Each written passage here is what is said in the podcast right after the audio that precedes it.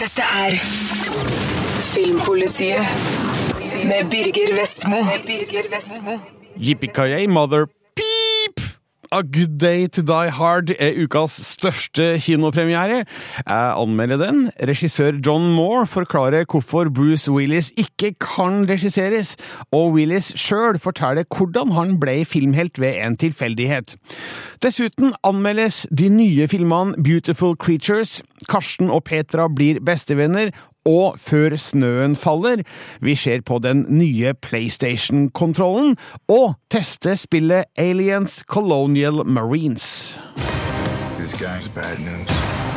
Terrorism, weapons grade uranium, nukes. Someone's got to stop him. Attaboy. Den forrige Die Hard-filmen hadde én stor svakhet. Den var Die Soft. Den femte filmen tar ett skritt i riktig retning. Regissør John Moore skrur volden opp et hakk. Samtidig er firerens forsøk på å oppdatere filmserien med datateknologi forkasta. Her får Bruce Willis bruke sine fremste kvaliteter som actionhelt, nemlig vittige kommentarer, bare never og store gønnere. Det her er bra. Men A Good Day To Die Hard sliter likevel med sitt. Den har et svakt manus, kjedelige skurker og tilfeller av rar redigering, som gjør at heller ikke denne er i nærheten av å matche de tre første filmene, men det er 97 kjappe og tøffe minutter på kino. Denne gangen drar politilegenden John McClain, spilt av Willis, til Moskva for å hjelpe sønnen Jack, spilt av Jay Courtney, som han ikke har snakka med på flere år. Jack er nemlig i trøbbel, men pappas ankomst er alt annet enn velkommen.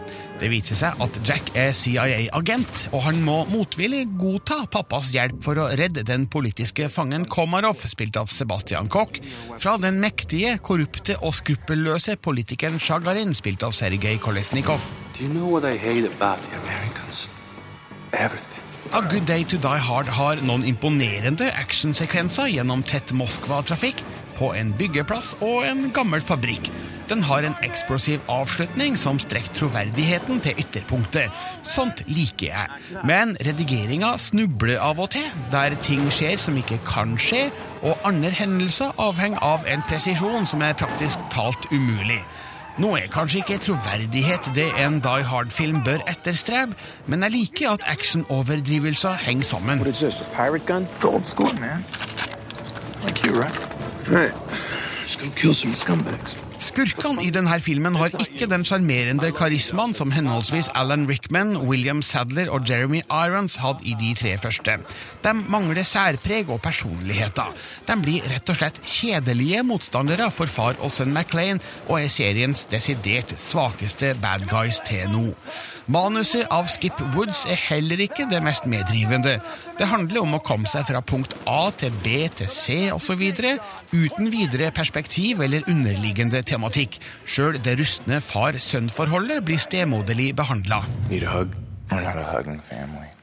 Kanskje er det tenkt at Jay Courtney skal ta over Die Hard-serien når Willis ikke orker mer? Jeg håper ikke det, for sjøl om han helt klart har de fysiske egenskapene som actionhelt, mangler han det skeive smilet og glimtet i øyet som har gjort Willis til stjerne. Senioren viser seg fremdeles fullt kapabel til oppgaven. Han har ennå fysikken til å la seg kaste rundt av eksplosjoner, sjøl når han lirer av seg gamle fraser som er åpenbare vink tilbake til bedre tider, syns jeg det er greit. Men han trenger bedre manus og regi neste gang. Og kan han forholde seg i hjemlandet? Jeg syns The Good Old US of A kler John McClain det. 007 of Plainfield, New Jersey. Den er regissert av eh, irske John Moore, som tidligere har laga filmer som Max Payne og Behind the Enemy Lines. Men å ta på seg oppgaven av å føre Die Hard videre var nervepirrende, men ikke overveldende, forteller han til Mona B. Riise i Los Angeles. It's not my first rodeo. You know, I, I know how to blow shit up. And Bruce Willis is great at being John McClane. Regissør John Moore klør seg fornøyd i det røde skjegget. Han har fått eksplodert og krasjet en enorm mengde ting i den nye Die Hard-filmen.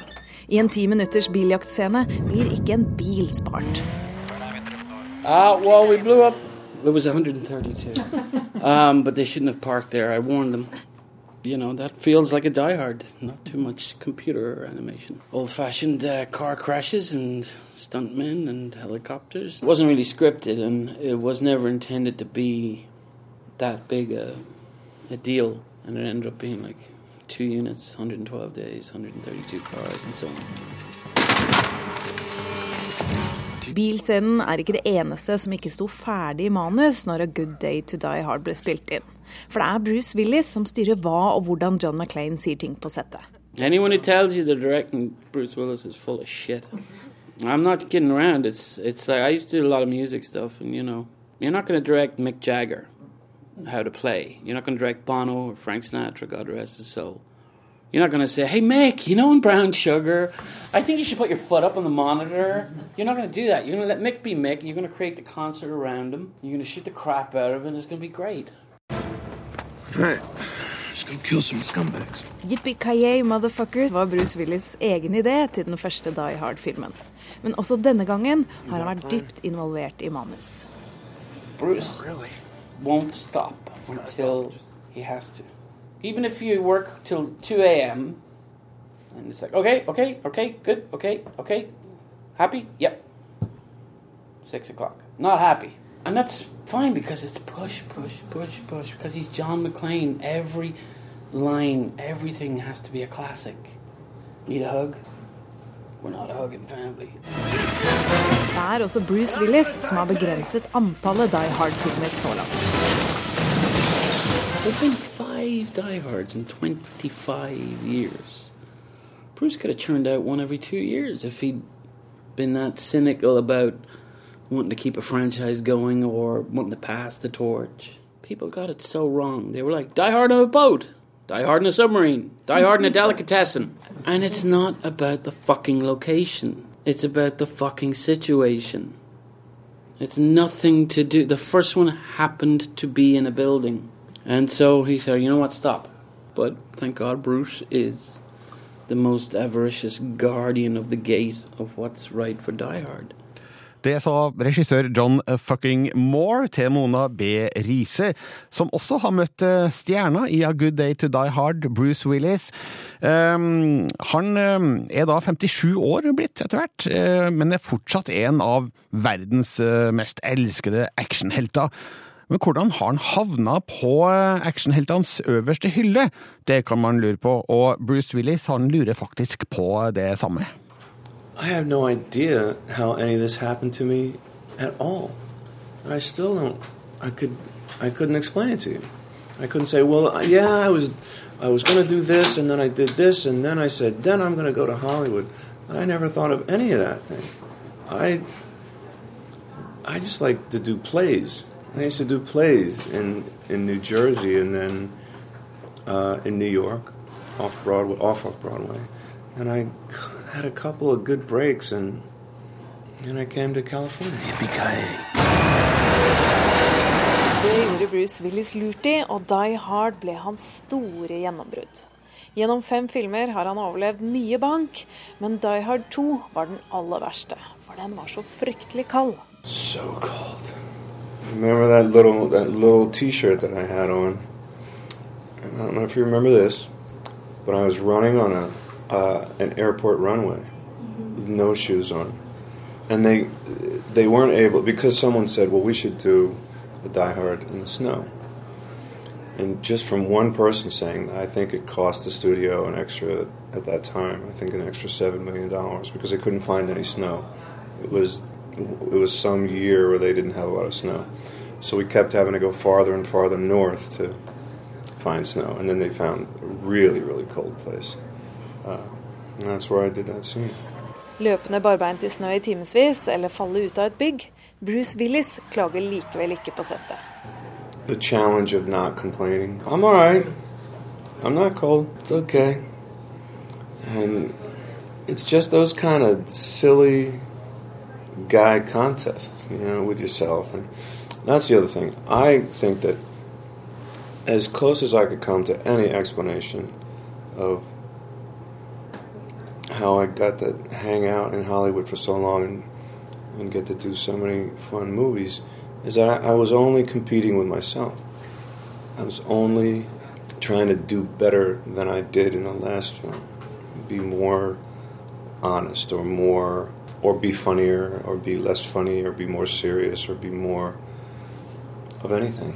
Just try to do better. You're not gonna die today!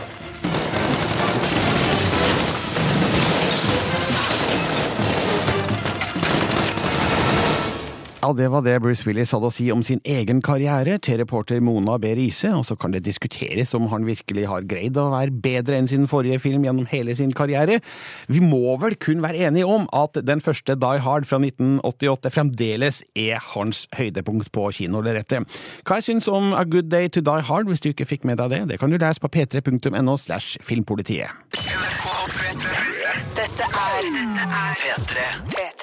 Nok en ungdomsroman med overnaturlige undertoner har funnet veien til Lerette. Jeg sendte Rune Haakonsen for å se premierefilmen Beautiful Creatures. Just hate hiding all the time. Feeling like everybody's whispering about me. Is that her? My mama says her whole family are Satanists. Ei mystisk, mørkhåra jente flytter til en søvnig sørstatsby i USA. En by som ligger så langt inn i Louisianas skoger at du fra første øyeblikk forstår at den skjuler en mørk hemmelighet. Ethan Waite, spilt av Alden Ehrenreich, er en bokorm med forkjærlighet for beat-litteratur. En outsider i den konservative og hyperkristne småbyen. At han fatter interesse for byens nye jente, er ingen overraskelse. At hun også er en forfjamset heks midt i kampen mellom verdenens gode og onde krefter, er bare å vente i denne typen fortellinger. Beautiful Creatures er en forutsigbar og kjedelig tenåringsfilm som skjemmes av slett skuespill og ujevn dramaturgi. Year, Lena Duquesne has been in three different schools in three different towns, and in every one of them schools they had accidents. Den mystiske jenta, Lena Dushan, spilt av Alice Englert, flytter til sin onkel på en gammel overgrodd plantasje langt inne i skogene i Louisiana. Byen Gatling er en eksotisk og flott setting for fortellinga. Det oser både gotisk skrekk og paganisme av omgivelsene, som også var åstedet for et berømt slag i den amerikanske borgerkrigen.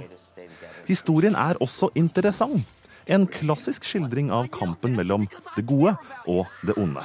Og hvordan kjærligheten er nøkkelen til seier over mørkets krefter. Men mest interessant er tanken på at det i verdenen rundt oss befinner seg en parallell virkelighet fylt med magi.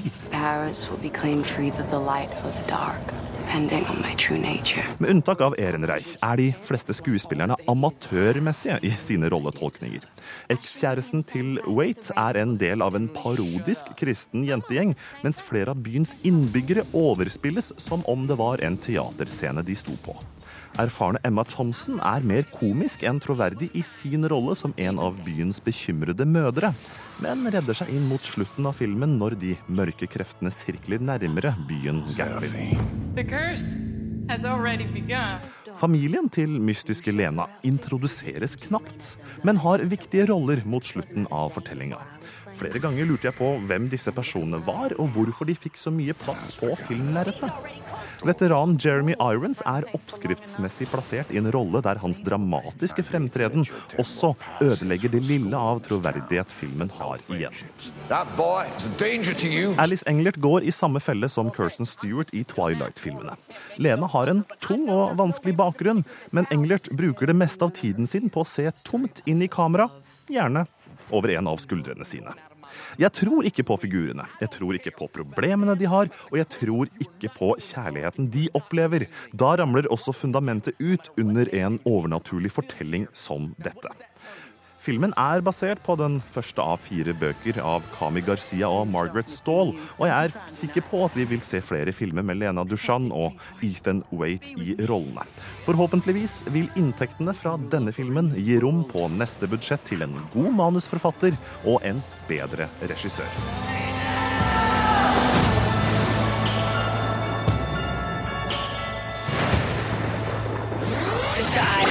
Filmpolitiet på P3. Au da. Terningkast to ble det til um, Beautiful Creatures. Det kan du se på p3.no finnpolitiet, der du også kan se, lese og kommentere anmeldelsen. Regissør Hisham Samans debutfilm Før snøen faller har rullende premiere denne og neste uke.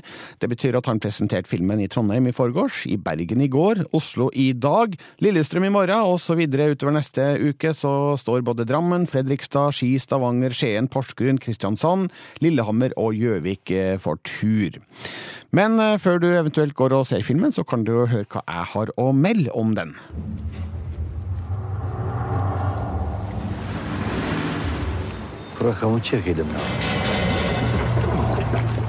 Et betent og følelseslada tema takles overraskende godt i regissør Hisham Samans spillefilmdebut Før snøen faller. Den forteller om æresdrap sett fra den potensielle gjerningsmannens side, og overraskelsen ligger i at hans historie faktisk vekker sympati og medfølelse. Saman forsøker å fortelle flere historier på en gang, og alle lir litt under det, men samtidig er det prisverdig at han tør spinne en historie rundt vanskelig tematikk fra flere innfallsvinkler. Før snøen faller, viser at vi har å gjøre med en modig filmskaper. ما از تلفزيون بفرشم لاند كروزر بفرشم از غرانتي بدم ابقى غرانتي أزم. 16 år gamle Siyar, spilt av Abdullah Taher, bor i en liten landsby i Kurdistan. Etter farens død er han familiens eldste mann, og dermed overhodet. Når søstera rømmer fra sitt forestående tvangsekteskap, forventer alle i landsbyen at Siyar skal drepe hun for å gjenopprette familiens ære. Han legger ut på en reise gjennom Europa for å finne søstera, og møter på veien den unge jenta Evin, spilt av Susan Ilir, som vekker nye følelser i han. Filmen er innspilt der historien er lagt, og gjør at troverdigheten er maksimal. Omgivelsene danner en god ramme rundt handlinga. Jeg føler virkelig at jeg er med på reisa som Siar legger ut på. Vi kjenner kanskje menneskesmugling som fenomen, men i denne filmen får vi et innblikk i hvordan det kan oppleves for de som blir smugla. Det gir et litt mer nyansert bilde av illegal innvandring til Europa. Her møter vi mennesker, ikke tall i en statistikk.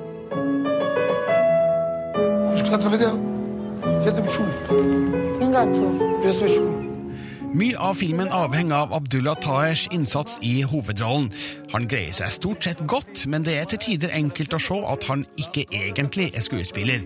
Han gjør en hederlig innsats, men mangler formidlingsegenskapene til en med mer rutine. Jeg har forståelse for at det kanskje ikke finnes så mange kurdiske gutter med filmbakgrunn, og Hisham Saman har fått noe bra ut av han, men av og til er det ikke nok til å fylle historiens behov. Blant annet lir filmens kjærlighetselement under det. Jeg tror ikke helt på de gryende følelsene. Siars ambivalens i forhold til oppdraget er heller ikke lett å spore. Men det er interessant å se hvordan filmen behandler Siar som potensiell æresdrapsmann. Han skildres ikke som en ond person. Jeg skjønner at han handler ut ifra forventningene fra kulturen han kommer fra. Som ungt familieoverhode er det òg spesielt viktig for han å handle som en mann. Så vil filmen vise om han vokser på reisa. Hisham Saman viser seg i hvert fall som en voksen filmskaper.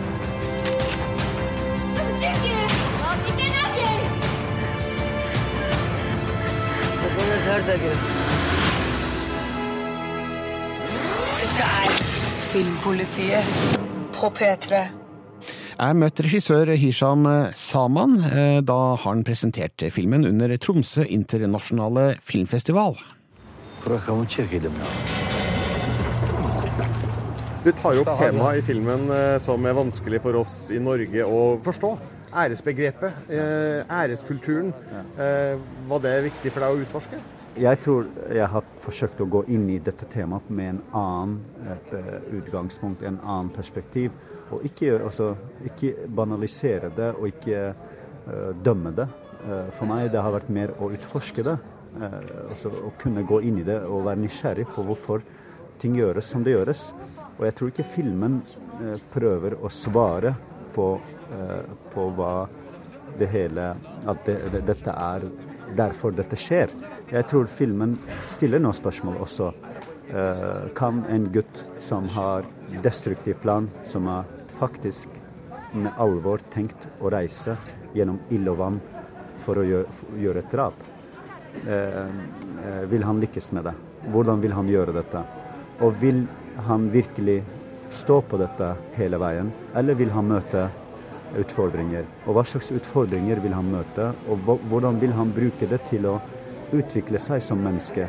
Så alle disse tingene jeg tror jeg det er kompleksiteten rundt en karakter, ensomheten hans, måten han selv etter hvert møter kjærligheten, som er hovedårsaken til at søsteren rømmer fra eh, eh, sitt eget bryllup. da. مش كنت هترفض ايه؟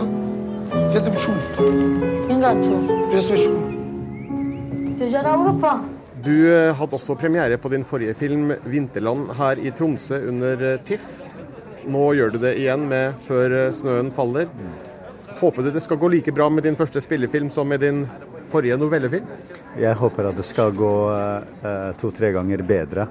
Jeg egentlig tenker ikke så mye på tall, altså billettall. Jeg tenker mer på å dele. Så, så jeg, jeg tenker at eh, tematikken vil eh, Du vil oppleve det på nytt fra et annet perspektiv. Da har du hørt hva Hisham Saman har å si om sin film Før snøen faller. Anmeldelsen min kan du lese på p3.no skråstrek filmpolitiet. Dette er Dette er P3. 20. februar er det venta at Sony skal annonsere sin neste PlayStation-konsoll. Kanskje den blir hetende PlayStation 4, vi, vi vet ikke helt enda, men allerede nå så kan vi få et blikk av hvordan den nye PlayStation-kontrollen ser ut, Andreas Opsvik. Ja, i, i løpet av natta i, i går så dukka det opp et bilde som mest Altså, det bekrefter at det viser en, i hvert fall en prototyp på en kontroll til da PlayStation 4, som det sikkert så fantasirikt vil kalle den. Ja, jeg ser jo da et bilde på våre nettsider p3.no filmpolitiet av denne prototypen, og det ser kjent ut, det her. Ja, det er mye Det går mye i det samme som den som har vært på PlayStation 3, og for så vidt PlayStation 2. Eh, en så jo hva som skjedde sist PlayStation prøvde å rocke litt ved det. Da lanserte de en, en bumerangkontroll som bare ble stemt ned av hele verden. Så de, de holder seg til det tradisjonelle designet. Ja. Men det er et par nye ting her da, som ser ganske interessant ut. Ok, hva da? Blant annet så er det en, en trykkfølsom skjerm eh, i front, midt på kontrollen, som eh, det i hvert fall har vært rykte at kan være nok à la den som er på PlayStation Vita. Altså at den kan tappe på den eh, ved diverse funksjoner i spill som kanskje kan trenge noe sånt. Og i tillegg så er er det òg en bitte liten knapp som kan være den her deleknappen. Eh, For det, det har jo det siste så har Sony snakka så mye om at ja, sosiale medier, det er der vi vil være med Aha. vår neste konsoll. Ja. Eh, og så er det noe på, på sida der, altså foran, en eh, hvit liten flekk. Ja, det, det er et lys som, som i hvert fall minner veldig om denne PlayStation Move-lysa. Som da kan bli oppfatta av et kamera og eh, kastes inn i, i spillet på en eller annen måte med sånn bevegelseskontroller og sånn. Ja. Det er jo interessant at hvis de da velger å ta det inn i sjølve håndkontrolleren, så kan det jo tyde på at eh, den type spilling vil bli mer integrert da, i en vanlig spillopplevelse, i stedet for at den må stå med en sånn peikestokk og veive rundt. Mm. Nå, nå har Sony-kilder bekrefta at dette faktisk da er en tidlig prototype, så det er ganske troverdig, dette, er det ikke? Jo, altså offisielt har de vel ikke gjort det, men det, det er sikre kilder, gode kilder osv. Klassiske utsagn som er litt diffuse. Men jo da, det, vi kan nok tro at det her er en, en tidlig prototyp eh, på det. Og, men den kommer neppe til å se ut sånn som den er på det bildet. Altså, den, den ser litt sånn 100 kroner på Claes Olsson eh, billig PC gamepad akkurat nå. Ja.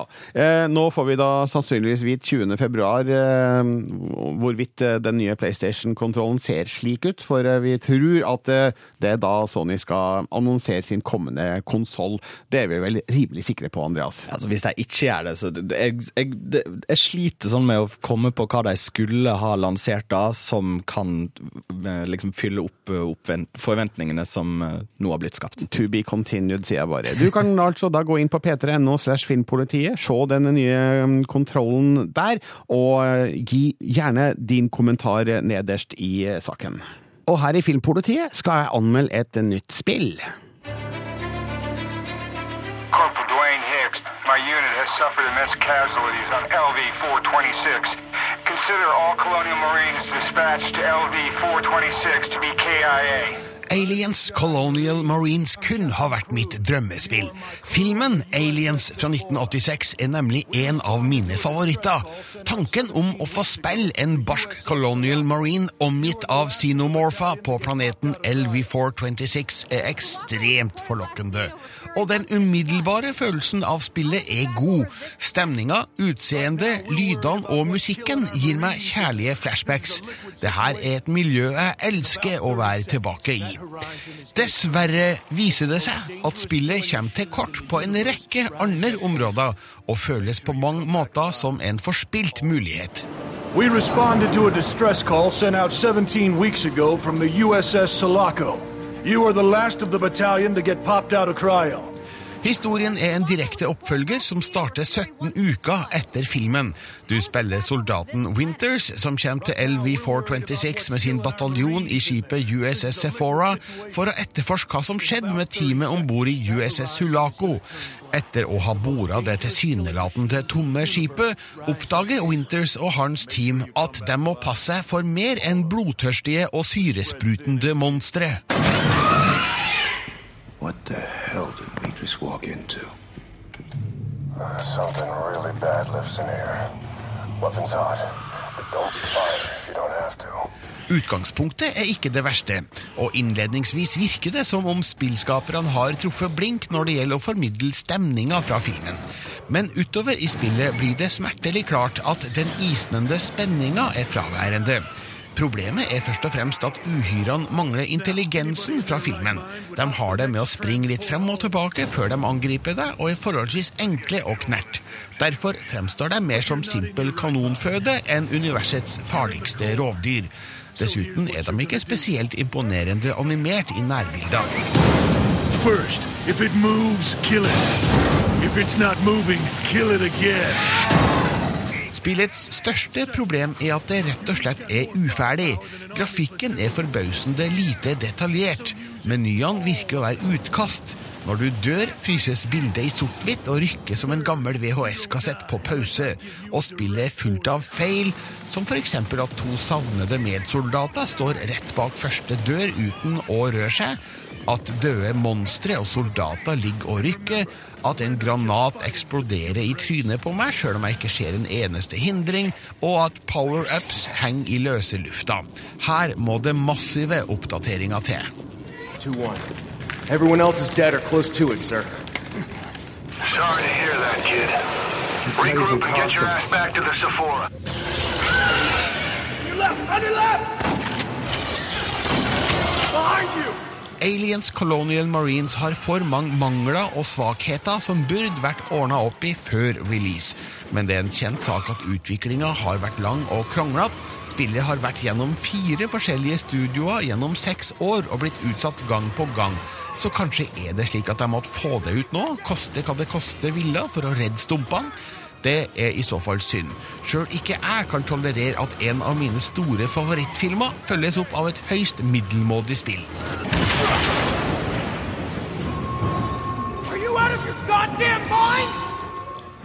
Dette er Filmpolitiet på P3. Rune Håkonsen, det har vel kommet indikasjoner på internett eh, om hva som har skjedd her i kulissene? Ja, det virker som det har vært en veldig kaotisk og, merkverdig utvikling. Eh, Avtalen for å lage dette spillet ble inngått mellom da Sega, som er utgiveren, og 20th Century Fox, som har rettighetene til Alien og Aliens-universet, allerede i 2006. eh, Slutten av 2006. Det har vært et spill som har lenge ligget og, og dura og egentlig skulle kommet ut for lenge siden. Men så har det blitt lagt til side på hylla til fordel for andre prosjekter. Spillstudio Gearbox har jo annet laga Borderlands, Borderlands 2, og hver gang de skal lage disse andre spillene, så har Aliens blitt lagt til sida, og det har jo ikke akkurat vært en, skal vi si, positivt for kvaliteten. Nei, men hvorfor skjer det at man tar på seg et spill, og så velger man å gjøre noe annet i stedet for? Det, det Det, handler, det handler jo om penger, da, selvfølgelig. Og, øh, det, men det som er litt sånn interessant akkurat i det tilfellet her om Aliens Colonial Marines, er at øh, de har benytta seg av noe som er veldig vanlig i denne delen av spillbransjen, nemlig å dele opp utviklingen i kakestykker og sette det ut, outsource det til forskjellige spillstudioer. Så i dette tilfellet her så er det vel så mye som fem-seks, eh, fire-fem-seks forskjellige spillstudioer som har laga hver sine deler, som så har blitt satt sammen. For eksempel enkeltspillerdelen har ikke blitt da mm, ene og alene laget av Gearbox. Det er et en som heter um, hva heter det, en Timegate Studio som har laga det, som er en stor del. En annen del har laga nedlastbart innhold. Så det her blir jo en salig røre. Og alle disse forskjellige studioene, skal vi da tro de interne eh, diskusjonene som da har eh, lekket ut på nettsider som Reddit og andre steder, så skylder de på hverandre og mener at det er dårlig prosjektledelse og bla, bla, bla. Så her er det blame game, altså. Men hvis uh, Aliens Colonial Marines rett og slett eh, ikke er helt ferdigstilt, hvorfor slippes det likevel? Du må tenke at Nå har de brukt seks år da, og mange penger og ressurser på å utvikle det. og Da kommer det jo til et punkt når de tenker at hvis vi, hvis vi bruker mer tid nå, så bare blir dette et prosjekt som går i rødt. Vi kanskje må legge ned ting, si opp folk. Da er det bedre å gi det ut og bare krysse fingrene på at folk ikke merker at dette er et ganske sånn halvferdig spill.